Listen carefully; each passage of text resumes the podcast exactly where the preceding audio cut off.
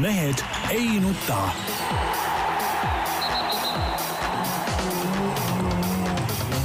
mehed ei nuta. tere teisipäeva, Mehed ei nuta eetris nagu ikka, Tarmo Paju Delfist, tervist! Peep Pahv Delfist ja Eesti Päevalehest, tervist! Jaan Martinson Delfist, Eesti Päevalehest ja igalt poolt mujalt. tuleb ausalt tunnistada, et meie teisipäeval oleme kes lennus, kes teises lennus ja kes istub kontooras, sellepärast et, et praegu on esmaspäeva pärastlõuna ja me salvestame seda saadet ette, ehk siis kui mingi mullistav sündmus esmaspäeva õhtul tuleb, siis see meie saatesse paraku ei jõua. mina siirdun äh, Monte Carlo rallile, Tarmo Paju läheb progressiivsete euronoorte kokkusaamisele ja Peep ei lähe kuhu.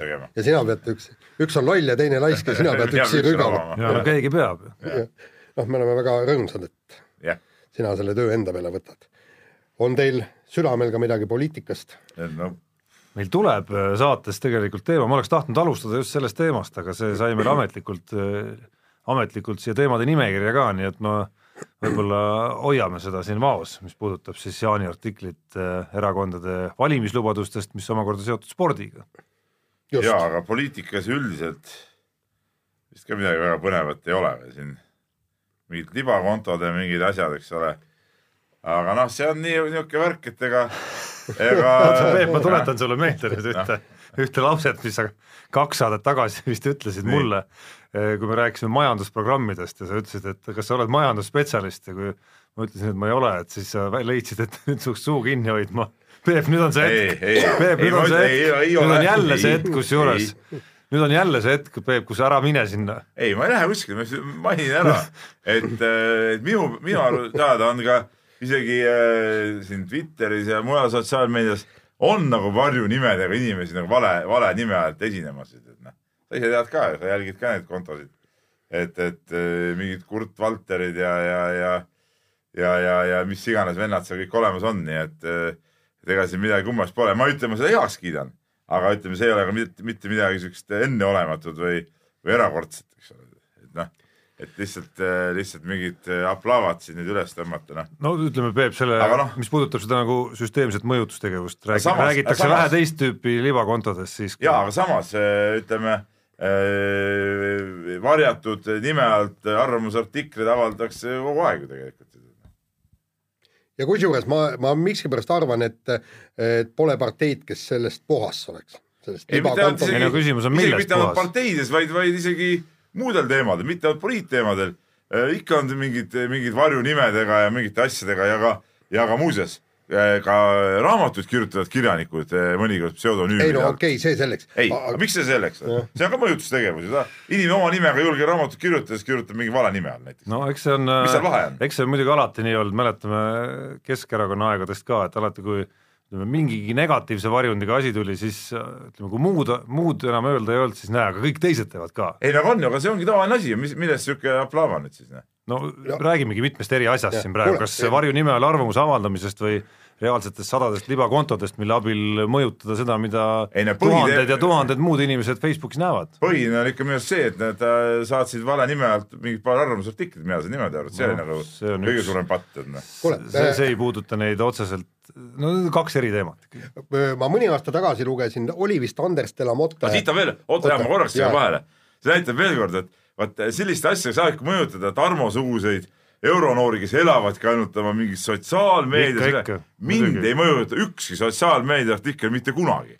ja isegi ma pole isegi näinud neid mingeid libakonto artikleid sest et ma eh, siukse juraga ei tegele normaalne. isegi ei tea, et need on libakontod, mida sa oled näinud. vahet pole, kas sa, kas sa tõesti Facebooki põhjal langetad mingeid otsuseid? mina ei langeta no., Peep, aga ma arvan, et on eh, tuhandeid inimesi no,, keda see mõjutab. see on ju nende rumalus, ükspuha, mida sa neile räägid. Peep, kuule, eh, ma tahtsin just öelda, et mõni aasta tagasi lugesin, oli vist Andres Delamotte üks krimiromaan, kus tegelikult selgitati seda ülemaailmset trollimist, kuidas, kuidas asjad käivad, see oli terve raamatu täis, selgitati, kuidas värk käib ja seal on just see, et need nii-öelda sotsiaalmeedia trollid, tähendab ühesõnaga firma tellib teenust, tal on vaja mingisugune asi või mingisugune teema ajakirjandusse lekitada. ja siis hakkab sotsiaalmeedias hakkavad need trollid elama ja nad ajavad asja nii kaugele, et äh, nii-öelda valge meedia korjab selle üle üles, aga need trollid jätkavad sinna nende kommentaaride kirjutamist ja ühesõnaga sellega mitte, mitte mingisugust noh, nii-öelda Eesti väikest va- valitsusmängu ei, ei mängita, vaid siin on hoopis, hoopis tõsisemad ja, ja laiemad probleemid. kuidas saavad mingid kommentaariumi kommentaarid midagi mõjutada, Jaan? ei, nad, kuidas nad, nad saavad midagi mõjutada, ütle mulle no nad kindlasti saavad, nad püstitavad mingisuguse libateema, siis? mida hakatakse igal pool foorumites jagama ja ühel hetkel see muutub nii suureks, et ajakirjandus korjab selle üles Ei ja no- ja hakkab selle teemaga tegelema. ei no ja kuni reaalsete valeuudiste levitamiseni ikkagi, Just. Et ja, ja kui sa näed, et seal all justkui sada inimest või kakssada inimest on seda ju- justkui nagu jaganud või like inud või mis iganes, siis see inimene, kelle hu- hulka sina ennast ei loe praegu, aga kelle suguseid tuleb välja, on ikkagi päris palju, vaatavad, et ahah, see on täitsa nagu õige asi, eks. no see on enda rumal, aga üks asi oli muidugi veel, millest ei saa mööda vaadata. täiesti idiootne üritus toimus ju laupäeval või, Tallinnas. et mingisugused, ütleme vähemus, ütleme naiste vähemusorganisatsioonide esindajad korraldasid mingisuguse totaka marsi, tead noh. et, et no see ei olnudki nagu, seal oli muidugi, seal olid naised ja siis olid libanaised, näiteks ma ei teadnudki, et Jevgeni Ossinovski on naine tegelikult. tähendab, et, et temaga näiteks meeste WC-sse ei julgegi koos minna et tuleb välja, et ta on naine, sest ta osales naiste marsil, ma vaatasin, mingi plakat oli käes, ma ei tea, kas tal on äh, mingid, ütleme tavaliselt ütleme, et rinnad välja paistaks, kuidagi keha kinni tõmmatud või milles asi on, aga no see ei ole tõsiseltvõetav ju. ja kes seda kõik korraldasid, eks ole, üks, üks äh, meesterahva nahas naine äh, ärgitas oma inimesi sinna minema, eks ole, siis mingisugused äh, lesbiorganisatsioonid, mingid, ma ei tea, mis ime, imevigurid, eks ole, käisid seal värviliste lippudega, noh toome ikka, toome ikka neid idiootsusi siia kohale Eestisse, mis ei ole nagu meie, selles Riina Solmani artikkel oli, oli absoluutselt sada protsenti õige. see oli see po- Postimees jah? ja kirjutan, ma ei mäleta, kust see ilmus, aga kirjutan kahe käega alla sellele, et, et siuksed asjad ainult, ainult õhutavadki eh, siukest kuradi võõra värgi siia toomist. ei, seal oli kuskil, kuskil artikkel oli ka see, et, et naised tahavad, et kõik oleks võrdsed, aga et nemad oleks veidikene võrdsemad. aga see on, aga mitte kõik normaalsed naised ei taha seda. aga aga kõik siuksed, siuksed poolkummalised, need tahavad. Ja ma ei tahaks tunda nagu ühtegi inimest, kes seal käisid.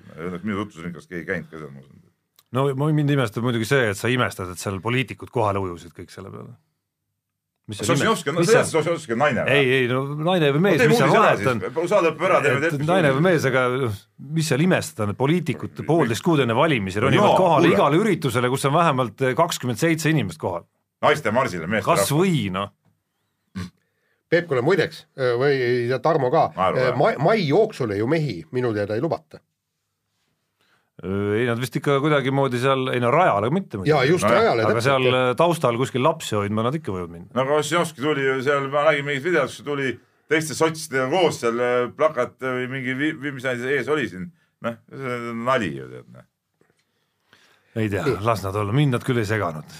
nii nagu suudan ma, tähendab, lollusi Nii nagu ei ole suudad. mõtet nagu äh, korraldada. nii nagu Peep, suudan ma nagu rahumeelselt suhtuda sellesse, et äh, mingid inimesed peavad tõrvikutega vajalikuks see ongi, see on õige asi. käia See on- nii, niisamuti nagu-, on nagu niisamuti niisamuti ei häiri mind ka need naised, marssisid on. Eesti värk, see on õige asi.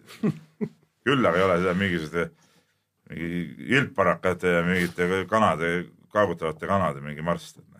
nii, nii, läheme spordi juurde. Peep käis äh,, ei osalenud naiste marssil, oli hoopistükkis Otepääl ja nii kui Peep kohale läks, nii hakkas tulemusi tulema.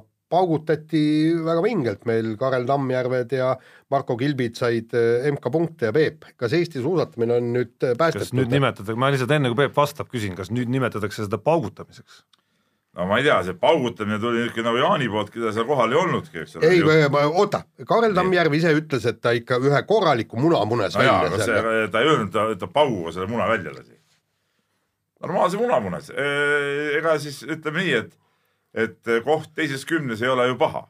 et Ega see ei ole ole. midagi nüüd, midagi nüüd eh, sensatsioonilist, aga ma ei saa öelda, et see oleks olnud ka mingisugune jamavärk, et vaadates kogu hooaja senist käiku ja kulgu, oli, oli ütleme igatepidi positiivne üllatus oli Tammjärve eh, sõit nii sprindis kui ka viieteist klassikadistantsil, kuigi okei okay,, jah, võib öelda, et seal võib-olla sihuke keskmike konkurents oli eh, võib-olla hõreda võitu, noh, osalejaid oli vähe, seal oli eh, mehi oli vast seitsekümmend kuskil stardis, eks ole.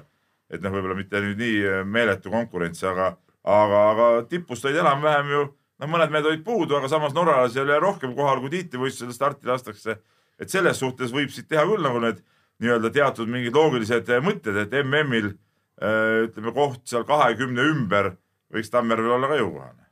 no põhimõtteliselt küsimus pole kohas ja, ja keegi oli vist see äh, tiim Haanja treener Anti Saarepuu ütles, et, et see võikski olla Karel Tammjärve tase. vot si siis ma saaksin aru, kui, kui mees sõidaks jä jätkuvalt sinna kahekümne sisse, no kahekümne piirimail ja kõik nii, siis sealt võib ühel hetkel oodata Jah, ka täpselt. pauku esikümnesse, aga, aga vot tekitabki küsimust, et miks me suudame Otepääl niivõrd hästi sõita, kusjuures rada on päris raske ju siin jah, ja, ja, ja seda me ei suuda läbi hooaja. ja see ei ole ju esimest korda nii, kui see, kui see nagu korda, jah. sähvatus tulebki alles Otepääl ja, ja ja on ka juhtunud, et see jääbki ainult selleks Otepää on sähvatuseks. ka nii juhtunud, aga kuigi noh, nad praegu ütlesid ka hooaja eel, et neil on hooaja tipp oli planeeritud esimene väike tipp Otepääle teil MM-iks, noh.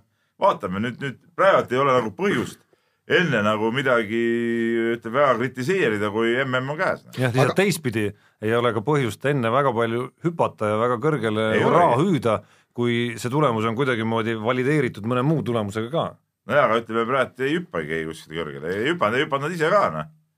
et selles suhtes suhteliselt nagu rahumeelne oli kõik see asi seal. aga Peep, okei okay,, Karel Tammjärv täiesti okei okay., Marko Kilp enam-vähem no okei okay. ei ole okei okay., kilbiseis ei ole ikkagi okei okay,, sest et tal tervis ei ole, ei ole korras, kuuldavasti ta pühapäeva hommikul oli, oli see niimoodi krõbin ja ragin seal jälle hullemaks tal läinud peale seda võistlust, et et selles suhtes on halb ja, ja mis, mis nagu mulle kõige rohkem nagu kõrva hakkas ja, ja imelik tunne, et see Raido Ränkel ütles, et et ta nagu täpselt ei teagi, mis, mis värk nagu on ja, ja mis nagu teha, et et MM-i ajaks nagu paremasse vormi saada, ütles, et ma usun, et ma olen MM-i ajal teine mees, aga ma hakkasin uurima, et, et mis see veendumus annab ja mis selleks tegema peab, siis nagu sealt nagu, nagu ütleme, siukest äh, selget ideed ei olnud ja tunnistas ka ise, et ta ise ka nagu täpselt ei tea. ja ei, aga kuula nüüd, eks, et üks mees on päris okei okay,, teine peaaegu okei okay,, Raido Ränkel venitab kuidagi välja MK-sarjas ja see on kõik, see on kogu meie murdmaasuusatamine, meil ei ole rohkem me, ühtegi meest, ei ole, ei ole tagalat üldse, nagu sa ise nägid, naisi meil pole üldse ja kui me lähme siit nüüd veel, tagala, jälle segan jään natuke vahele Noh. no., et osa tagalat oli ju eh, kuna U kakskümmend kolm MM hakkas täna lahtis, eks ole, siis eh, kõik ju seal ei osalenud Otepääl, vaid osad läksid otse sinna ja nad plaanivadki MM-ile tuua mõlemad, mõned nooremad eh, mehed sealt sisse. ja Peep, ma vaatasin, ma vaatasin juunioride MM-i midagi- algust, mitte midagi ei jaa, ole sealt, tulemas. nõus, nõus, ega ei olegi midagi. täpselt sama, kui me võtame nüüd ma kirjutasin kahevõistluse, muuseas ka loo niimoodi mm. -hmm. et meil on eh, põhimõtteliselt üks ja pool meest ja edasi on nagu tühjus. no just ja, ja kui me võtame siia, paneme kahevõistluse kõrvale, kus on ainult Kristjan Üks Ilves, üks mees meest on ta venda võib-olla, ütleme veerandist hakkab kasvama võib-olla kunagi, võib-olla jah. no ütleme niimoodi, MK-sarja ta veel ei, ei, mahu. seda muidugi jah jah, ja, ja, ja suusahüppajaid meil on ka niisugune, no ma ei, kõik kogu see kamp annab võib-olla noh, kolmveerand meest kokku, eks. Ja see ongi kogu meie nüüd talisport. no laskesuusa sa jätsid No muidugi ei, välja ei, ei ei no ütleme Põhjamaade suusasport nüüd see, kes nüüd lähevad nii-öelda Seefeldi MM-ile. et laskesuusas, kui vähemalt Jah. naisi vaadata, siis äh, see, mida siin sai aasta tagasi võib-olla räägitud, juba unistatud, et, et sellest naiskonnast võiks saada ühtse naiskonnana mingit asja, et sealt kerkib nagu mitu naist, kes äh, suudavad no,. kuidagi kerkinud no esialgu veel ei ole kerkinud, aga mingeid märke ikkagi ükshaaval tuleb, et nii Regina Oja, Tuuli Toomingas kui Johanna Talihärm on ikkagi kõik mingeid väikseid sähvatusi juba suutnud teha. kasutades sinu enda sõnu, enne kui need tulemused on valideeritud eh, teiste tulemustega, ei ole mõtet siis väga, väga nagu hõisatada. no sul Esialgu on, sul ei, sul on, sul on selles mõttes muidugi õigus, aga aga me ei räägi ka Karel Tammjärve vanusest hetkel antud juhul veel. me räägime noorematest sportlastest siis küll. jah, jah. Nii on, aga no ma ütlen, et, et see seis ega see seis ei ole meil viimaste aastatega parem olnud. ei ole, aga, aga siin, siin jätkuv küsimus, ega ma, ma ei pöörakski praegu eh, pilku Suusaliidu poole ja ma ei pöö- pööraks ka Tiim Haanja poole, pööraks ikkagi jällegi selle pilgu selle no, noorte treenerite poole, sest nemad ju peavad järelkasvu eh, kasvatama. Nemad ju viivad sinna juunioride MM-ile ja juunioride klassi välja ja vot siis võtab, kui ta on talendikas, võtab ju äh, kenasti Tiim Haanja või Suusaliit selle sportlase üle. noh, kui samas, samas nii palju mul küsimus tekib ikkagi selle ülevõtmise kohta, nagu sa nimetad, et kui Marko Kilp suutis isegi nii kehva seisu pealt, nagu tal oli, justkui haige olnud siin ridamisi ja ja endiselt pole päris terve, suutis nüüd vähemalt korra ikkagi kolmekümne hulka sõita. ja siis samas on kõrval jutud sellest, kuidas äh, nii-öelda see arstliku teeninduse pool on ikkagi üsna nagu puudulik kogu sellel see, see on väga, väga pehmelt öeldud olematu. siis no puudulik ja olematu on üsna võrdsed sõnad iseenesest, et äh, noh, siis see justkui viitab, et Marko Kilbis võiks nagu ainest olla ikkagi, mis jääb ka selle taha, et Suusaliit või Tiim Haan ja kes iganes kokku nad nii väga üle võtta ei suuda seal mitte midagi.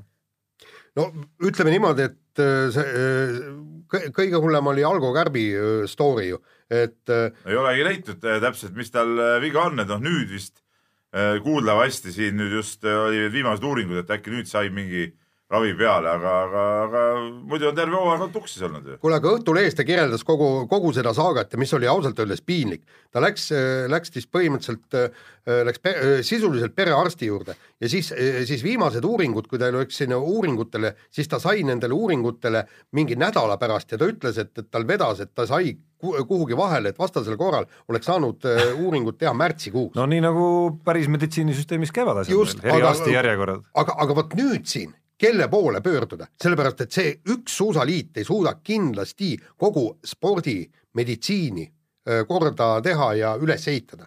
see on ikkagi täiesti laiem küsimus ja otsene küsimus EOK-le, EOK presidendile, kultuuriministrile ja kultuuriministeeriumile. sest see Eesti spordisüsteemi paikapanek, et, et sportlane saaks kohe praegu täna arsti juurde, kohe analüüsid tehtud, kõik see kiiresti, see on, vabandage, see on riigi ülesanne. no kui ma ma ütleks, et kui Eesti suusakoondislane peab kuidagi üldjärjekorras ootama kevadeni ja eriarsti järjekorda, see on siis idiootsus, ju. siis, siis siin midagi ikkagi on ka Suusaliidu vastutus või ütleme, suusajuhtide vastutus, ükskõik, on see Tiim Haan ja Suusaliit või kuskil seal komplektis on kõik midagi aga, väga aga, aga valesti mida. ta, mida ta teha saab, temal ei ole ju kuhugi mingisugust võimalust, ma ei tea, kas, kas neil on see öö, no ma ei tea, Kalev Cramo korvpallur ei oota hüppeliigese mingisuguse operatsiooniga ju üldjärjekorras mingisugust, ma ei tea, aprillikuist no aega. aga nad maksavad selle kinni. no selge, kinni. siis peab Suusaliit või Ei, see- no seal samamoodi no, maksma. see, see peaks ikkagi EOK põhine, selles ma olen Jaaniga nõus, et see peab olema ikkagi see, see EOK põhine üldsüsteem nagu, kuidas see ravivärk peaks käima. sellest on räägitud ju, ju kordi ja kordi. Ja, Jaa, ja, me noh- oleme siin saates ka rääkinud, kuidas, kuidas see asi Nõukogude ajal on ja kuidas meie sportlased on meenutanud, kuidas see Nõukogude ajal on, eks. et, et seal olid igal alal kohe omad arstid ja no, ma ei tea, ma praktikas näen päris palju tuttavaid, ütleme endaealisi kas või. Ja Peep, ka sina, kui sul midagi juhtub, siis oma mingite tutvuste kaudu oled sa siiski Ei no- suuteline ei no- smugeldama ennast äh, mingisuguse eriarsti juurde. ma, ma ei tahaks ma ei uskuda. uhkustada, ma ütlesin välja Jaa, ma ei taha ka usku- uhkustada, aga ma tean- ma alati saan just nende, just. ja olen ise, olen ise ka kunagi saanud, eks ole, kui siin ma- mandlitega oli probleem ja nii edasi. Et kas tuttava kaudu või tuttava tuttava kaudu, et, et kuidas on võimalik, et näiteks suusaringkondadel ei ole sellist, sellist võimalust? no jaa, aga see on, see, see ei ole ka õige, kui sa pead susserdama. ei no susserdama või mitte, aga teine variant on lihtsalt vaadata, kuidas su karjääri need vähesed aastad, mis sul on võimalus sporti teha, vaadata lihtsalt, kuidas need libisevad näppude vahel. no jaa, aga ma veel kord ütlen, et, et see ei ole, see ei pea olema susserdamine ja siin on jällegi küsimus Kultuuriministeerium, EOK, kaks, kaks organisatsiooni, nende pool, neilt tuleb ju küsida. nii, vahetame kiirelt teemat, väga pikalt siin rääkida ei ole, Austraalia lahtised tennise meistrivõistlused eestlaste jaoks väga pikalt ei kestnud sel korral, Anett Kontaveit kaotas teises ringis, Kaia Kanepi kohe esimeses ringis maailma esireketile Simona Halepile pärast kõva võitlust ja ja pealtvaatajaks nad mõlemad jäidki ja resümeena vist saab öelda vähemalt Anett Kontaveidi kohta, et et veel ei näe seda stabiilsust ikkagi, millest me ei räägime näe. seda arengut, just meil oli siin ka oma toimetuses juttu ja ma nii-öelda meie tennise inimestele ütlesin ka, et noh, tegelikult tahaks nüüd ikkagi kuulda, et mis, mis on see plaan või mis on see seis siis, et, et miks, miks nagu ei ole arengut toimunud tegelikult, no uus hooaeg tuli peale, jälle uus suure slam'i turniir, teine ring, noh, no ja siis, mis no Peep, see, vaata siin, siin ongi hu- huvitav, vaata kui me võtame suusatajad, kellel lõpeb äh, kogu see üritus kuskil märtsikuus, võib-olla aprilli alguses. Ja vot neil ongi aega areneda kuni siis sisuliselt detsembril, mil on uued võistlused, siis tennis, tennisistidel läheb ju see hooaeg kohe edasi, nad teevad väikese puhkuse no, novembris oli neil vist lõpp umbes. jaa, teed väikse pu- puhkuse, detsembris äh, hakkad treenima kuu ajaga, sa ei, sa ei suuda areneda kuu ajaga selle sinu loogika No- järgi tennisist ei saagi areneda No- mitte kunagi. No tennises on vähemalt kõik ju maailma tipus üsna võrdses seisus, et minu arust ei ole siin küsimus nagu selles klassikalises arengus, et ma ei tea, lihvin tagakätt või lihvin servi või vastuvõttu. Jõudnud küsimus on mingisuguses vaimses arengus ikkagi, et mul jäi kumama veel lause tema suust pärast matši Sasnovitšiga intervjuus, et oli kuidagi krampis et, et, et, et, üle, üle mõne aja ta tunnistas ise, et ta kuidagi vaimselt ei olnud tegelikult tugev selle matši ajal. no ütleme jah, et lootused olid nagu kõrgemad, mis ta ütles, no seal oli, tähendab, kogu mängu äh, resümee oli see, et Anett Kontaveidi serv, eriti teine serv, oli noh, sisuliselt null et äh, noh, ta lõi selle niivõrd aeglaselt, et, et Sasnovitš kas siis lõi selle palli kohe ära või siis, äh, või siis äh, sai kohe initsiatiivi kätte, mis oli kahekümne kolmest teisest servist suutis Kontaveit võita ainult viis punkti. mis, mis on noh, masendavalt vähe, no tähendab, ühesõnaga, kui on sul teine serv, siis on praktiliselt kindel vastase punkt. ja, ja, ja, ja kui sul on kümme murdepalli ja sa öö, realiseerid sellest ainult ühe no siis tõesti neid mänge võida. jaa, Jaan, aga see ongi just... tüüpiline tema see seis ju noh. kohati mängis ta väga hästi, kohati ei, mängis väga hästi, jah. kohati neid kogu aeg. millal tuleb üldises arengus samm edasi, Jaan? mind huvitab see. ma arvan, et see võib olla kinni täiesti vabalt mingis või üksik, mõnes üksikus hetkes. jaa, poisid, aga te selle peale mõelda, äkki see ongi tema tase, ongi seal? ei ta level, kuhu jõudis Kanepi, ka umbes samale, mis see Kanepi parim koht oli, viisteist, eks ole. noh, see ongi see level, no et sa oled saanudki sealt edasi. noh, noh see võib nii olla, aga kahekümne kolme aastaselt ma ei julgeks küll, ma arvan, et tal on kümme aastat näidata, et ta on suuteline siiski enamaks. tahaks oota, aga praegult ei ole seda nüüd ütleme eh, toimunud. Noh. ja kusjuures kolmkümmend pluss mängijad on, on ka varem nii-öelda elus esimese suure slämmi võitnud, nii et, et praegu ei ole nagu midagi toimunud. Noh. no loodame, et läheb asi paremaks. sai esimesest kambist üle ehk. Lähme kiire vahemängu juurde ja äh, Eesti jäähokile pakuti äh, vägevat turniiri, äh, kui tuldi kokku ja plaaniti, et, et äkki korraldaks Balti riikide Ukraina, Valgevene ja Poola ühine hokiliiga. ja, ja Eesti loobus sellepärast, et ei olevat taset ega ka raha. vot sellest on tegelikult nagu kahju, et, et noh no hokiliit kunagi oli üldse nagu sihuke pool nagu naljaliit, eks ole, nüüd nagu viimasel ajal on tundunud, et asi on läinud nagu paremaks tegelikult. aga, aga see otsus nagu näitab ikkagi siukest nagu vähest ambitsiooni, noh. see raha oleks tulnud kokku saada, noh. ükspuha kuidas, noh. see on täpselt nii nagu. et ükspuha, kuidas see raha oleks tulnud kokku saada ja see oleks olnud see väljund, mille kaudu ütleme seda hokit hakata arendama, et kuniks sa siin mängid oma mingeid naljameistrivõistlusi me võime siin korraldada küll mingeid äh, MM-i turniire ja asju, aga noh, see kõik on nagu väike asi, kui sul ei ole oma niisugust kõva korralikku turniiri, kus mängida, kus need mehed siis arenema hakkavad, kus see tase lõpuks tõusma hakkab siis noh no,? selles ei... suhtes ma, ma olen väga kriitiline selles suhtes. no mina saan aru, et siin taustal tegelikult äh, üritab Eesti kuidagi ajada seda liini, et see ei oleks äh, Baltikumi, Ukraina, Valgevene, Poola ühine liiga, vaid oleks lihtsalt üks Balti liiga peab see paika, mina lugesin niimoodi välja no,. Balti liigast on räägitud jaa, aga no mis siis halba on, kui selle Valgevene ja Poola juurde tulevad, no Ukraina, veel parem ju. noh, ühest küljest tase läheb kõvemaks, teisest küljest kulud lähevad suuremaks, noh, nii palju no, on. kulud lähevad suuremaks küll, aga, aga ma ütlen, sa pead ju ikkagi, kui sa tahad üldse midagi teha, aga sa ei saa, sa ei saa ju ilma, ilma kulusid tegemata, sa ei saa taset tõsta. ütleme niimoodi, eh, mis neil, meil nüüd toimus, kas juunioride äh, Äh, MM-i või U kakskümmend.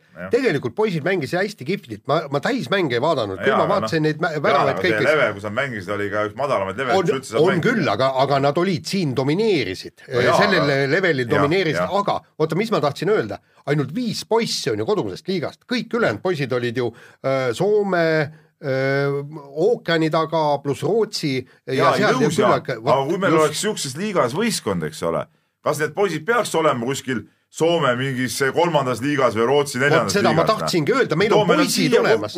et las nad mängivad siis siin, eks ole. ja, ja, ja, ja on, on me esiteks, me ise saaks olema, olla nagu hoki juures rohkem eh, nagu Eesti tervikuna ja, ja poisid saaks samamoodi areneda noh. just täpselt, ma tahtsingi öelda, et meil on mehed olemas, meil on poisid olemas selleks, kelle, kellega seda tšempionati mängida ja kusjuures vaadake, kui palju publikut oli, palju see oli, kaks tuhat seitsesada inimest jälgis neid mänge no hoki on, hoki on, eks ole, see haruldane ala Eestis, kus sa saad publikuks nii eesti inimesi kui venekeelseid inimesi. ei no jalgpall ka, aga et, ütleme et, nüüd niimoodi. see, et see on alati olnud, see huvi pole kusjuures minu arust nagu kordagi kadunud tegelikult taasiseseisvuse ajal. jah, ja, ja, ja, ja palun näidake mulle seda juunioride või, või tähendab U kakskümmend või mis seal öö, jalgpallis on, nii-öelda valikmängu, kuhu tuleb kaks tuhat seitsesada inimest vaatama nii, aga vahetame teemat ja paneme püsti küsimuse, kas meie kolleeg Karl Rinaldo kriitika ETV spordiuudiste kohta oli õigustatud või mitte, Karl siis kirjutas äh, sellest äh, oma võrkpalliportaalis ja, ja ka meie avaldasime selle, äh, et ETV teeb võrkpallile liiga, ei ole kajastanud näiteks Robert Tähe üks, ühte karjääri parimat mängu, mis ta tegi siis, see oli meistrite liigas jah, ja ja kuidas üleüldse on kuidagi võrkpalli kahjuks kaalukausid ETV ekraanil? no siin on kahe, kaks otsa on sellel asjal. üks asi on see, et äh, ma olen siin selles meie saate, me oleme kümme aastat saadet teinud või rohkem juba, korduvalt välja ütelnud, et tegelikult äh, kolleegide niimoodi kritiseerimine noh, ei ole päris okeid, et noh, et ütleme, spordiajakirjanik peaks nagu ikkagi rohkem kokku hoidma. see on üks asi, teine asi on see, et, et kui ma vaatan nagu oma mätta otsas seda või, või ka spordihuvilisena nagu vaatan, siis mul nagu raske mitte Karliga nõustuda. sest et Karli need välja toodud detailid on õiged, noh, seal tegelikult saaks minna veel palju sügavamale ja palju, palju kaugemale ja kindlasti ma ei ole nagu, nagu ETV spordi uudistega ja selle valikuga ja mismoodi seda asja on tehtud, kindlasti ma ei ole seal rahul, aga, aga ma ütlen veel kord, et ma ei tahaks nagu siin nagu väga paugutama ka hakata, ikkagi ütleme, mingi kollegiaalsus peaks ka nagu midagi maksma ja aga noh, tähendab äh, see, sedavõrd tuleb öelda, et, et minu meelest on jah, natukene see, see vesi on, on sumbunud, et meil on Eesti spordist on niivõrd palju rääkida ja pilti näidata, ma ei mõtle isegi ainult võistlustest, eks.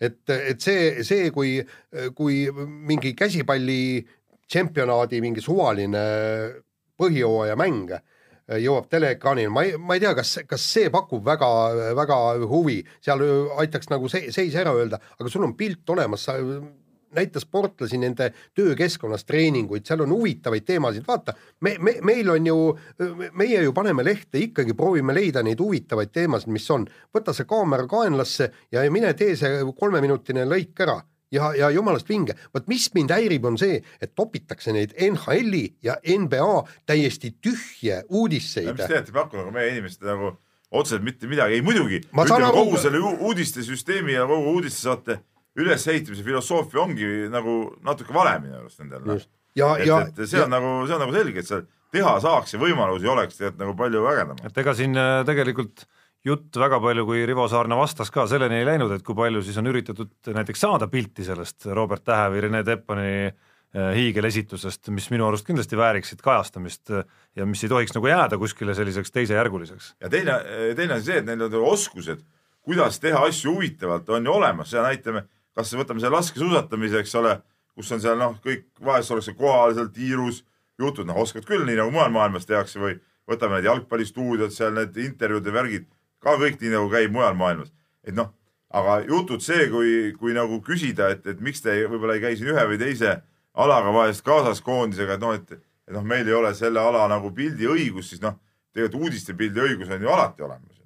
et, et ja, ja seda saab ju osta endale sisse ja, ja, ja, ja mängujärgseid intervjuusid, niisuguseid asju saab ju alati teha. noh no, see, kas sa teed järgmine päev, kui nad tulevad lõunaaeg Äh, teed äh, kuskil lennujaamas selle intervjuu või teed sa pärast mängu selle intervjuu koha peal. Need on kaks täiesti erinevat asja, kaks täiesti erinevat äh, intervjuud, eks ole, ja, ja, ja, ja muidugi noh, üks asi muidugi see, et võib-olla nagu vanast ajast see liiga see nagu Aktuaalse kaamera, muidugi minu silmis ka ainuke Aktuaalne kaamera ongi kell üheksa, eks ole, mingid need varasemad saated on mingi noh, naljasaated, aga see spordiuudised võib-olla jäänud ka liiga selle saate keskseks, no tegelikult neil on ju see portaal ja, ja need varasemad saated mingi sada asja, et saaks ju varem sisse ka lükata need asjad ja, ja ja, ja seda sporti võib-olla selle hommiku televisiooni veel rohkem sisse tuua, kui on eelmine õhtu mingi huvitav mäng olnud, eks ole. et noh, seda nagu teha saaks küll, aga, aga noh, jah, paraku on nagu on need asjad aga no natuke oli, äh, pani muigama aga muidugi, kritiseerima. natuke natuke pani muigama siiski Rivo Saarna vastus ka, et, et esiteks ta oli statistika siis välja võtnud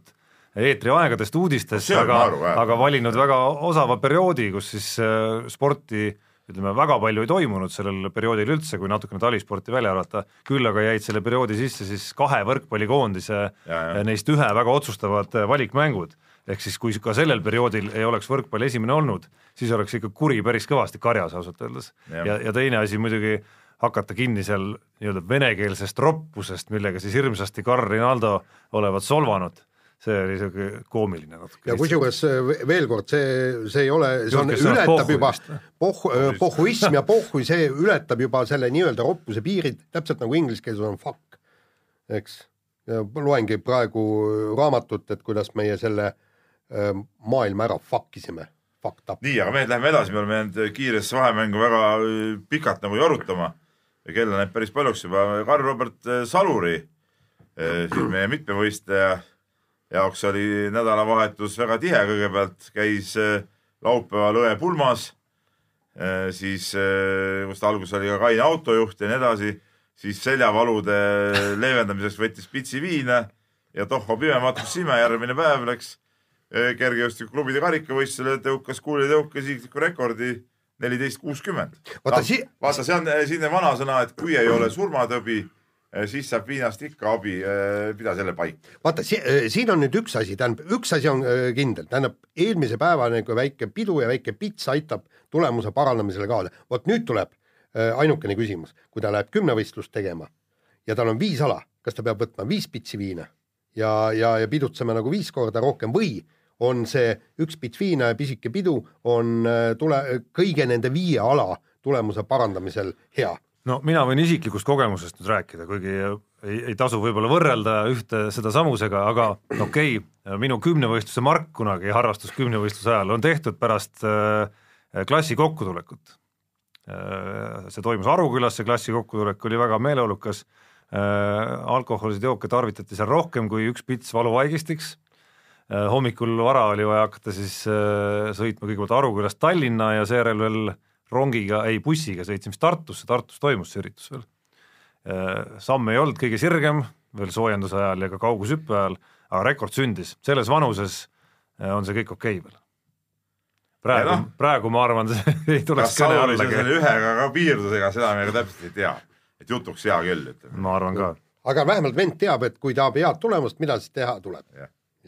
Nii, aga äh, mängis meie kuulus Kalev Cramo kaasani Unixiga korvpalli ja, ja äh, väga vingelt mängis, täpselt kuni viimase veerandaja viimaste minutiteni, juhtusin just viimast ve veerandat aega äh, jälgima telekast, olin väga tige, tahtsin äh, sussi telerisse visata ja põhjus ei olnud mitte niivõrd kohtuniku täiesti vale otsus äh, Unixi kasuks, üks pall, mis, mis läks selgelt Unixi mängijast, kohtunik vaatas videost üle, ei näinud seda, aga, aga see, kuidas ikkagi Kalev ära käk- käkerdas, et meie võõrmängijad ja, ja, ja nii äh, tumedanahalised kui heledanahalised, järsku neil äh, ajud kadusid ära. Nagu na,, nagu ei oleks äh, peas nagu mitte midagi, siis hakati seal plähmerdama, ühtegi rünnakut sisuliselt ei olnud äh, välja mängitud, ühtegi viset ei olnud välja mängitud, pilluti seda palli nagu sitta vastu seina, nagu ütles meil kuulus Mihkel Tiks.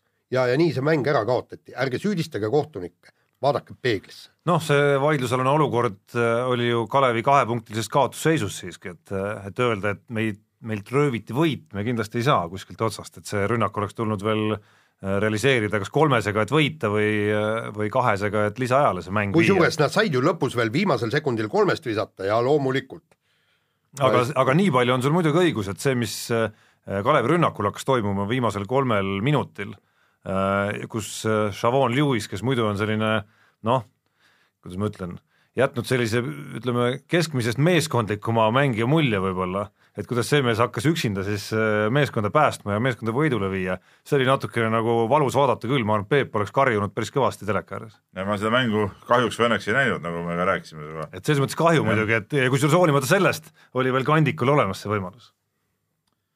nii on. aga kiire vahemängu lõpetuseks äh, räägime X-mängudest, mis on sellel nädalal Aspenis ja kus siis Kelly Sildaru läheb püüdma kolme kuldmedalit lausa, ainuke konks seisneb selles, et need kolm kuldmedalit tuleb Kelly Sildarul kätte saada kahekümne seitsme tunni jooksul, ehk siis programm on tehtud ülitihe.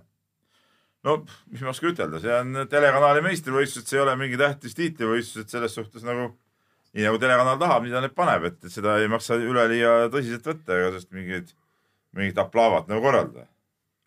no ütleme niimoodi, et äh, Lasse Viren ju läks pärast äh, kümne tuhande meetri kullavõitu läks vist järgmine päev maratoni jooksma ja tuli kuuendaks. oligi vist niimoodi, et, et ei ole nagu hullu, aga tegelikult noh, ütleme, et äh, vigursuusatamine ei ole sedavõrd ränk ala üt- ja, ja nagu ma olen korduvalt öelnud, eks, Soome kuulus spordikuru vana noh, üle saja aasta tagasi juba ütles näiteks suusahüpete kohta, et see ei ole mingi sport, kuna raskusjõud toob alla ja liftijõud toob, viib üles. nii et, et endal pole vaja midagi teha, et ma arvan, et küll see kell, Kelly välja veab. et see on nagu murdmaasuusa ja mäesuusa võrdlus põhimõtteliselt. jah, põhimõtteliselt, ei no kuule, mäesuusas on ikkagi vaja ei no mis te jamate, no see ei ole nagu, see ei ole nagu nii, nii oluline, oluline võistlus hakkab äh, nädal aega pärast X mänge, kui on maailmameistrivõistlused, see, see on nagu oluline. ja seal siukest nii absurdset kalendrit ei ole, noh, et see, sellega on kõik öeldud. üldse X-mängudest rääkides, noh, see X-mängud muutuvad aina naeruväärsemaks. Nüüd vist oli just ka uudis, et, et ka Hiinasse minnakse X-mängudega, need on juba Euroopas, Hiinas, Ameerikas, no mis, mis väärtus seal võidul enam ikka on? see kisub kahtlaseks küll natuke, sest kevadel on Euroopas, eks. jah, kevadel Euroopas ja sügisel nüüd tahavad teha siis Hiinas. ma olen kogu aeg rääkinud, et see ei ole nagu õige, õige asi. see on lihtsalt, lihtsalt, ei no see on lihtsalt kommertsraha, eks ole, mitte no nagu kus sul tiitel kui, selline. ütle mulle nüüd Peep Pala, kus sul ei ole kommertsi ja raha, see on imbunud läbi kõikidest aladest küll, maailmas. seda küll, aga ütle mulle ala, kus on näiteks kolm, kolm tiitlivõistlust, umbes nagu kolm MM-i ühe hooajaga, noh. kui need X-mängud pidid olema kõige kõvem asi üldse selle, selles valdkonnas, siis kui neid on kolm tükki aastas, seda ei ole no tennises on neli kõige tähtsamat asja aastas ja ja pole üldse MM-i, no Kas see on jama nüüd siis või?? muidugi natuke jama, noh. et sa tahaks maailmameistrivõistluse, no iseenesest MM oleks ka kõva muidugi. laseme kõlli.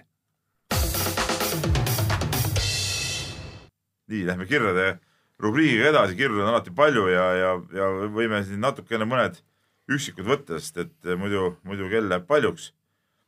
Georg kirjutab meile küsimus, tere mehed. mehed ei nuta ennustusvõistlus võiks naaseda. millised on selles osas mõtted? Tarmo, laseme sinul vastata.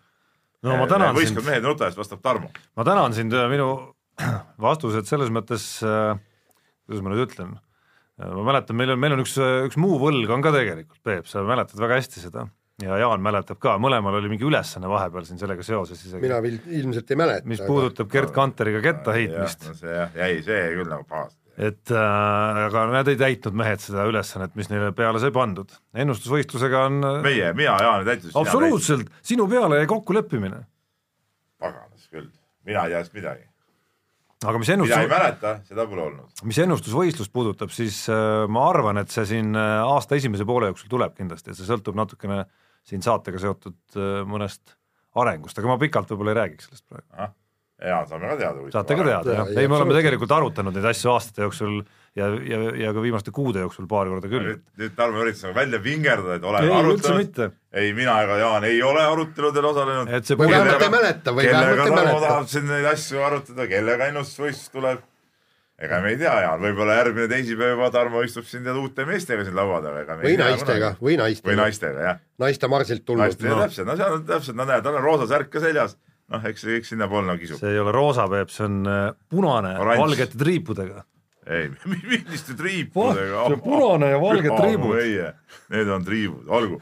Läheme kirjadega edasi ja, ja Tauri on saanud huvitava kir- kirja ja ma tunnistan ausalt, et, et ma ei teadnud sellest nagu midagi. et eh, kiri, kiri on selline, et eh, paneb meile alla siis nii-öelda meie e-spordi seisukohtadele nagu tehnika spordihooajal. et nädalavahetusel toimus järjekordne Race of Champions ja rajal lubati ka Itaalia e-sportlane, kes tegi tuule alla endisele F1 sõitjale äh, Lukas Di Grassile siis, pärast seda veevormelit. et viiekümne kahe sekundise ringi peal oli vahe null koma kuus sekundit. siis küsibki, et kas nüüd, kui simulaatormängud on juba nii realistlikud ja paarisaja eurose rooliga saab kodus ekraani ees miljonite teistega võistelda eh,, hakkab vormeli ja rallisse tulema eh, uusi tõelisi talente nagu selles mängus. Äh, vaata see, ma, ma vastaksin praegu, ma tõesti ei, ei, ei tea, kes seal Race on Championsis osales, ma ei jõudnud äh, seda vaadata, küll aga äh, WRC korraldab ju oma e-tšempionaadi ka, kus saavad võistlejad läbida rallirada siis äh, arvutis. ja vi-, viima-, viimati võitis, jällegi ma ei mäleta, kes, mis, mis nimi, kõik nii, aga nagu selgus, oli ta endine rallisõitja, tähendab, ta on teistpidi pööratud, mitte see, et rallisõitjast saab hea e-mängur, või, tähendab, rallisõitjast saab hea e-mängur, mitte e-mängurist saab hea rallisõitja. ta on niipidi. no antud juhul ma saan aru, küsimus on selles, et see e-sportlane läks päris autosse, päris autosse ja, ja ringrajal sõitis kiiremini Jaa, kui kui- eks. jaa, aga kui ta on endine tal- autosportlane, kui ta on endine ei, seda küll, autosportlane, aga me seda tausta ei tea, jah Jah, ja,, seda tausta me ei tea tõesti. nii, tubli Jaan, istu, vastus oli ammendav. nii, Kalle kirjutab meile vana kirjasaatja ja äh, nii, kiri on järgmine. tere mehed, maailma spordis absurditeater jätkub. et kui Venemaal on olümpiavõitja Venemaa territooriumil, mis on väga õige asi muidugi, nii, siis nüüd tahavad Türgi võimud vahistada NBA korvpallurit Enes Kanterit, öeldes otsesõnu maailma meediale, et Kanter kuulub terroristlikusse organisatsiooni mina loen sellest välja, et New York Knicksi korvpallimeeskond on terrorirühmituse Rakuke ja NBA terroriorganisatsioon. et eh, kuidas teie sellest lausest aru saate? Ega ma saan sellest nii aru, et ega see Türgi koos, koos oma juhtidega ei ole, ütleme päris tavaline koht ja ütleme ka päris, päris normaalne koht, et, et nii ongi. et, et eks seal need poliitvaidlused ongi tõsisemad kui siin Eestis, et me võime siin paugutada küll ja mingit nalja teha, aga seal on ikka, ütleme tõsisemad, et kui oled, kui sa pole meiega, siis sa oled meie vastu ja siis No me ja määrame sa- su vanglasse ka, kui vaja. ja. kui mis vanglasse, eks ole, see Ah, küll see ei juhtunud see küll seda küll ei korraldanud Türgi riik, aga ütleme, mitte väga kauges riigis seal. No põhimõtteliselt läks ajakirjanik äh, saatkonda ja ei, see toimus veel Türgi territooriumil ka, eks ole. See Saudi ajakirjaniku tapmine, eks, et noh, et see, see nii-öelda piirkond ja need äh, kombed on, ma kahtlustan seal enamikes riikides üsna sarnased ikkagi, et kui sa vastu ei ole, siis pead arvestama, või kui sa poolt ei ole ja oled vastu, pead arvestama, et sellised asjad võivad juhtuda. et Enes Kanteri asemel äh, siin oli ju juhtum, kus see alguse sai, oli ju sellest, et ta äh, NBA Londonis toimuvatele mängudele keeldus kohale minemast selle kartusega, et äh, Türgi riik midagi korraldab ta vastu seal.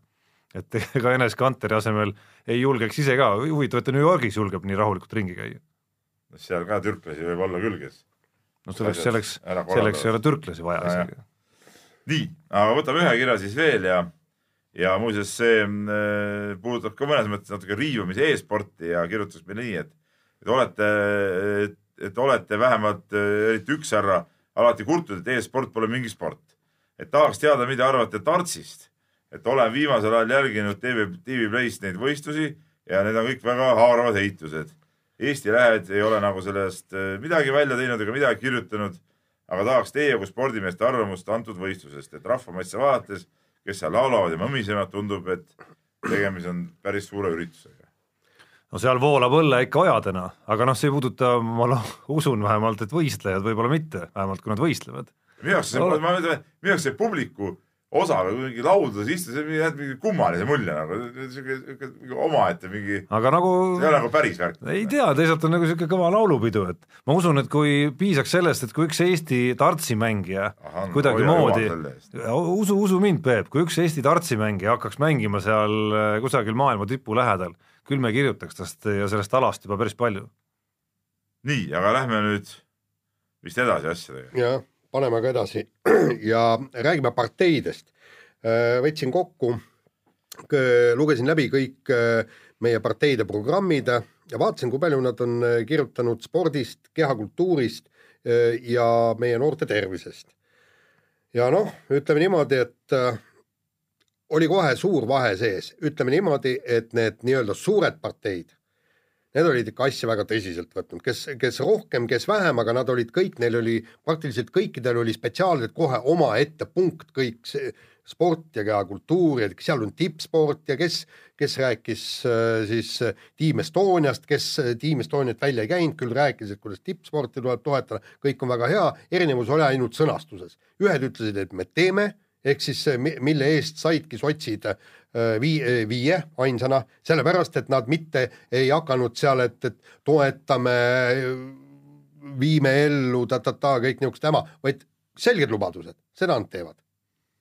näiteks Väga- treenerile, treenerile Ei- Eesti keskmine palk. ja kõik Jaan on tore, aga, aga kui sa ütled, et nii, me maksame treenerile Eesti keskmise palga või kui teine partei ütleb, me toetame Eesti treeneritele keskmise palga maksmist, miks sa arvad, et see üks on nüüd, kes kindlasti ära teeb ja, Ja- ja teine nagu ei, ei tee? ei, Millest vaata seal ei ole ei seal ei olnud isegi seda, seda, et toetame Eesti, et umbes, et me oleme nõ- nõus, et treenerile on vaja nõus, jah, jah, aga, ei no üks lubab ikkagi midagi teha selle nimel ja, ja, on ja nõus. miks me pea, aga miks me peaksime äh, härra Saart äh, mitte uskuma ja kultuuriministrit? vaata, Jaan, siin on üks asi, sotse ei saa kunagi uskuda, punased no..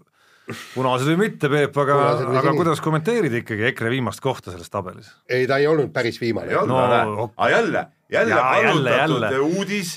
ikka, ikka, oota räägi vastu nüüd küsimusele. jälle kallutatud uudis, üritasid, nii nagu siin oli, meil oli siin Delfis ka täna oli huvitav, huvitav uudis oli muidugi eh, esmaspäeval siis, kuidas eh, on üks ettevõte eh, mingi maksu mingi jamadega, mis on tihedalt seotud, ütleme EKRE poliitperekonnaga, siis lugesin uudist välja, välja, et sellest ajaks, kui võlad tekkisid, oli poliitperekond juba sellest ettevõttest lahkunud. nii, see on ühesõnaga nagu sama Peep. Peep- ei olnud viimane, jah, kuidas sa kommenteerid olematut hinnet sisuliselt? aga mis see, mis see poliitikute lubadused, need ei maksa nii midagi, pole mõtet ju üldse seal välja käia. kusjuures, kusjuures ma, siin ma ei ole küll, Peep, nõus, mina, ma lugesin seda Jaani lugu huviga ja, ja, ja eelkõige lugesin selle pilguga, millest me oleme siin saates hästi palju rääkinud, ehk siis see nii-öelda Team Estonia loomine. Ja, ja minu arust kõige kurvem osa selle nende järelduste juures, nende kokkuvõtete juures, mida Jaan tegi, oli see, et kui me räägime kahest kõige suuremast parteist ja tegelikult paneme sinna nende ütleme siis reitingute järgi kolmanda ehk EKRE ka juurde Keskerakonnale ja Reformierakonnale, siis kolme listi peale ei olnud Team Estoniast sõnagi, oli kahes väiksemas nimekirjas, ehk siis Just. või kahe väiksema partei puhul eh, reitingute järgi väiksemas siis, ehk sotside ja Isamaa puhul noh. ja sa ütled, et see on ükskõik, noh. Minu arust ei ole noh- kusjuures minu arust ei ole ükskõik. va-, va- vaata, vaata, mina näen seda ikkagi, ütleme kui niimoodi, palju et valimisprogramme üldse ellu viiakse Ei, tegelikkuses, Peep, midagi ei viida. vaata, kui seda, kui seda seal Peep ei ole, siis ta ei jõua ammugi mitte kuskile., ma tahtsingi seda öelda, et tähendab, inimestel ei ole, nad ei teadvusta üldse seda, et on olemas Eestis tippsport, et on E- Eestis olemas sport, et meie noorte tervist ja noorte seda ei peetagi Eestis oluliseks, Jaan, kas Jaa,, just. sa oled vana mees juba Ei-, sa siiamaani pole aru saanud, et kõigil on jumala ükskõik sellest. ei no tähendab, ütleme ütleme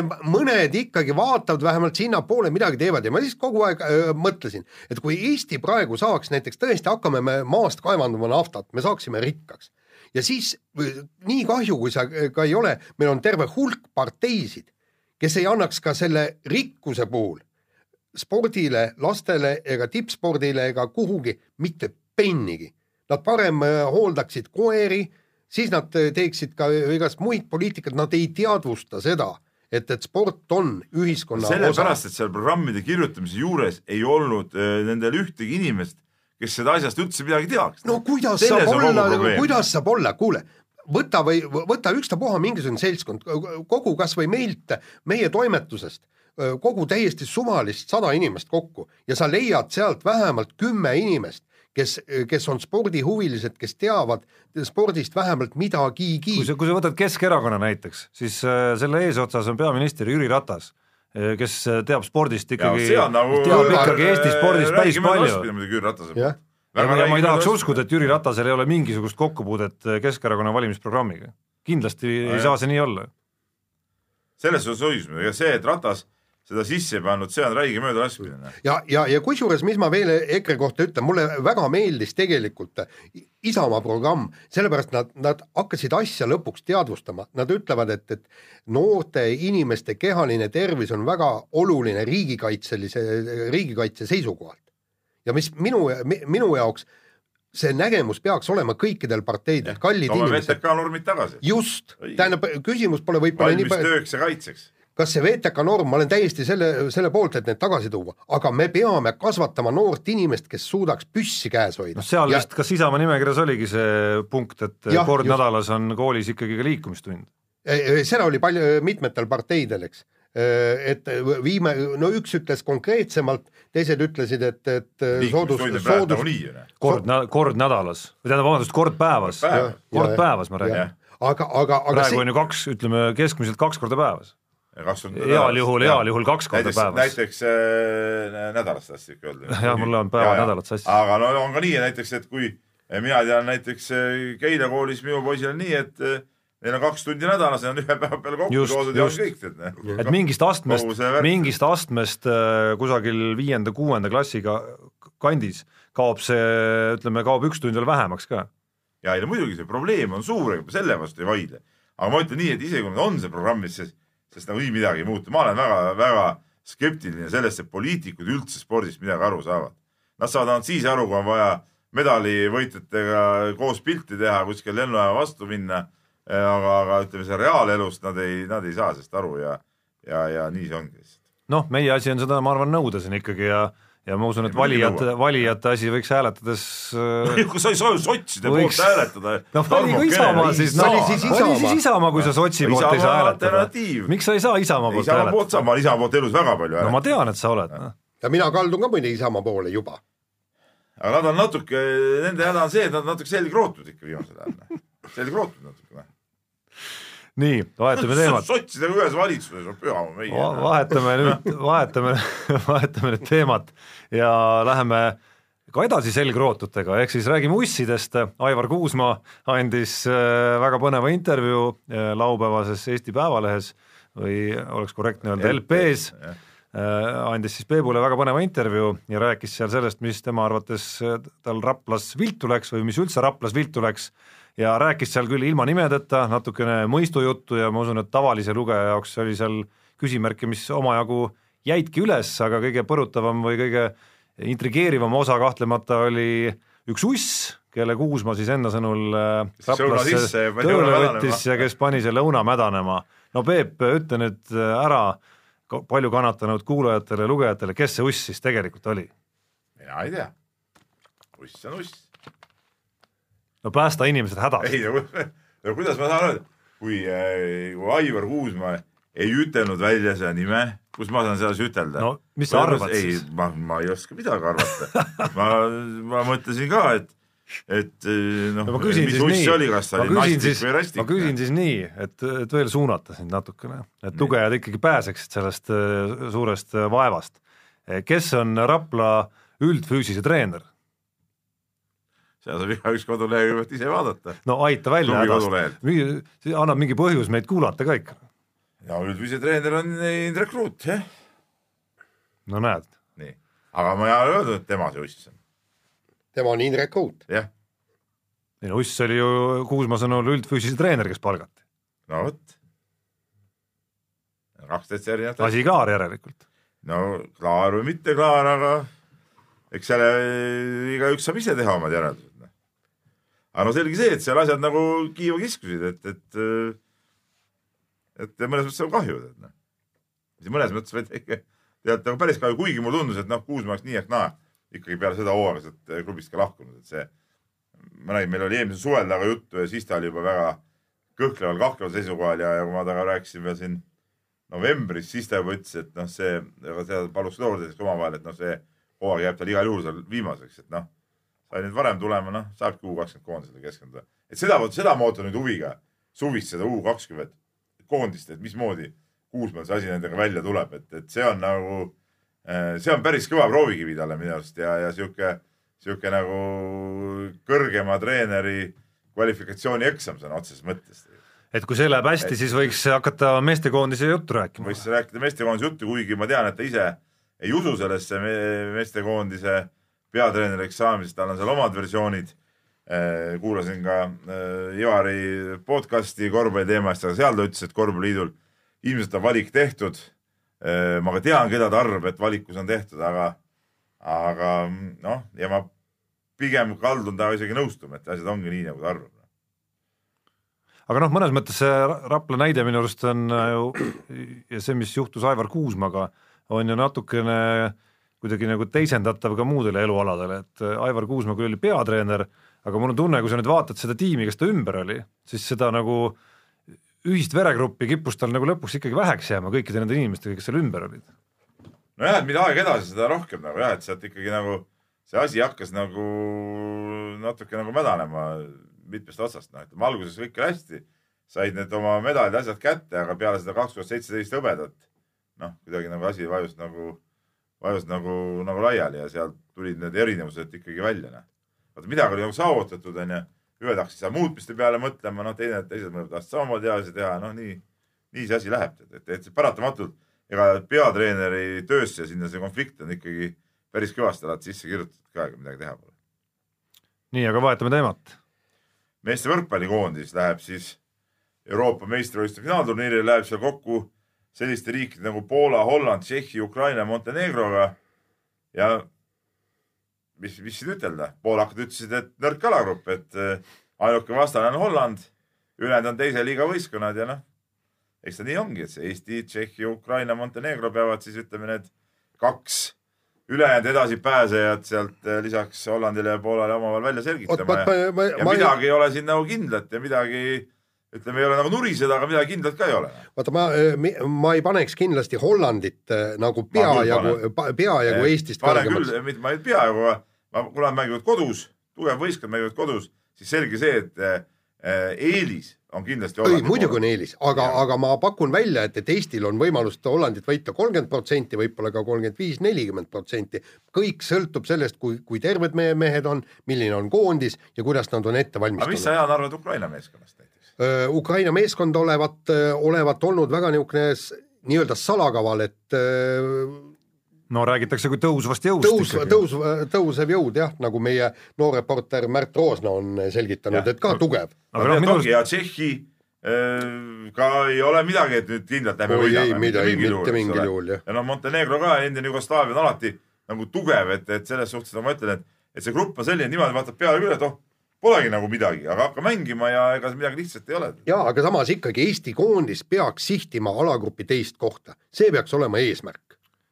jah Äh,, ja kui minu arust see huvitavam osa sellest loosist, jättes välja see võimalus, et siin vahepeal oli mingisugune nagu eriti surmagrupi variant ka õhus, noh, mis oleks olnud niisugune nagu keerukam variant alagrupi faasis, aga ütleme, kui vaadata tõenäolisi variante, siis noh, tõenäosusi kõrvuti pannes selle tõenäosus väga suur ei saanud olla, et põhiküsimus minu arust oli ikkagi see, et, et kes on need potentsiaalsed kaheksandikfinaali vastased Eesti jaoks. ja, ja sealt ju midagi nüüd nagu, midagi lihtsat ei vas-, ei, ei paista, samas oleks ka üsna absurdne loota, et kuidagimoodi tee Euroopa meistrivõistluste veerandfinaali peaks kuidagi lihtsalt kulgema. ei, seda muidugi. jaa, aga sa, samas Märt Roosna pani ju vä väga täpselt äh, paika. kui me pääseme kaheksa sekka, siis me oleme ennast ületanud, kui me pääseme alagrupist edasi, saame sealt tappa, siis me teeme oma, oma asja ära, kui me alagrupist eks edasi oleme ei saa. seesama lavokeele kunagisel tasemel. ja ju täpselt ja kui me alagrupist edasi ei saa, siis me oleme põrunud. siis on aeg Reetul lahkuda. just, täpselt. no natuke minust vahe ka siiski, kas me saame alagrupist edasi sealt grupist neljandana või me saame sealt grupist teisena edasi, et, et natuke need varjundid tekivad minu arust ka sellest juurde siiski. no ei tea, mingit vahet ei ole, kui me saame neljandana edasi ja võidame järgmise mängu, noh siis no siis sa lähed teise grupi esimesega kokku. jah, no vot, paned Venemaale ära päris raske. No, ma ei tea, kes seal vastu. ei, Venemaad sealt ei paista siiski no õnneks. nii.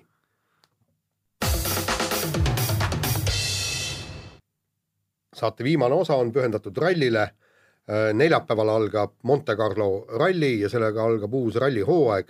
Lähen sinna kohale, täna just siia äh, toimetuse poole marssides hakkasin mõtlema, et pekki küll, kui, kui, kui vinge ralli see tuleb ja, ja kui võimatu on eh, kedagi siin eelistada ja, ja öelda, et jah, vot näed, see võiks, peaks võitma kõik nii, kui sa tahad nagu oma raha kindla peale panna, siis Ogier peale.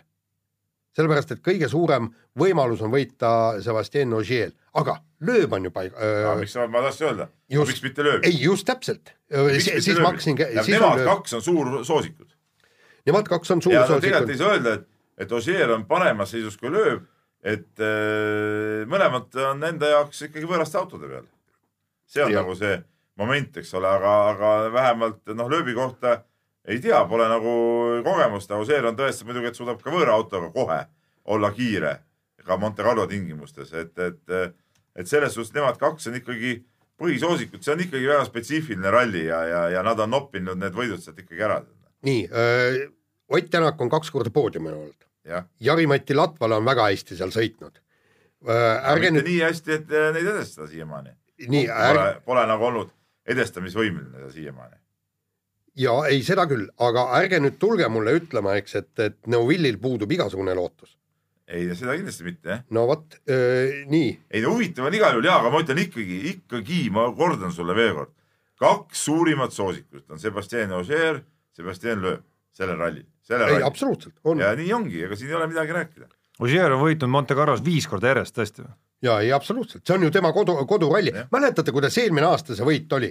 ta, ta ju ühe kiiruskatsega oli sisuliselt Ott. Ott Tänak mi, minutiga kiirem ja mispärast, seepärast et lumi oli peale sulanud, all, all tekkis vis, vesiliug ja mi, no ütleme niimoodi, et tõesti, kes niisugustes tingimustes oskab sõita, no ei oska keegi sõita.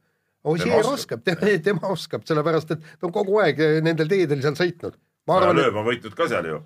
ei no ma hakkasingi scroll ima tagasi neid ja lõpuks jõudsin aastasse kaks tuhat kolmteist, kus siis leiab kellegi teise kui Ogier ja see keegi teine ongi lööb muidugi.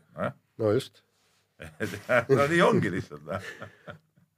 ja lööb on ka muidugi varasematel aastatel seda korduvalt võitnud, nii et noh, et äh, siin ei olegi midagi rääkida, et selles suhtes on, on klaar ja võib, teema kuulutada jah, ehk siis Ogier tiitlid ikkagi nagu näha, on kõik alguse saanud Monte Carlo võiduga.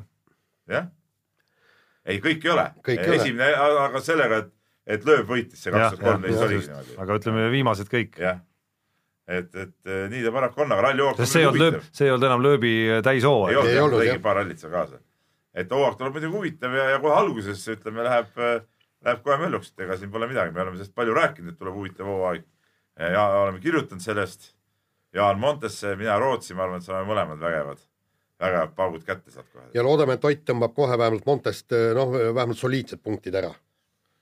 no see jah no. noh, kui nüüd meenutada kõiki neid õpetussõnu, mis on vist eh, mitte ainult eh, eelmise hooaja järel, vaid ka üle-eelmise hooaja järel, siis justkui peakski tähtsam olema iga kord poodiumil olla, kui võita kogu aeg.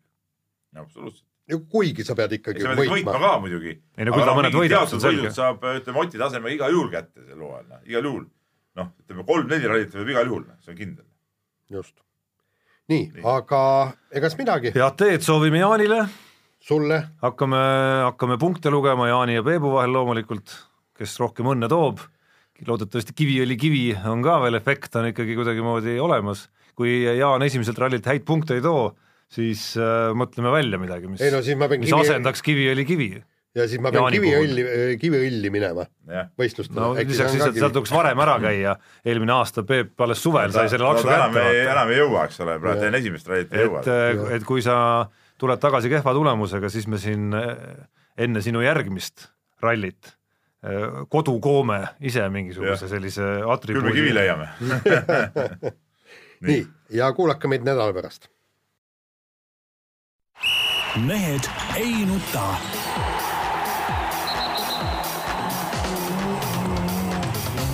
mehed ei nuta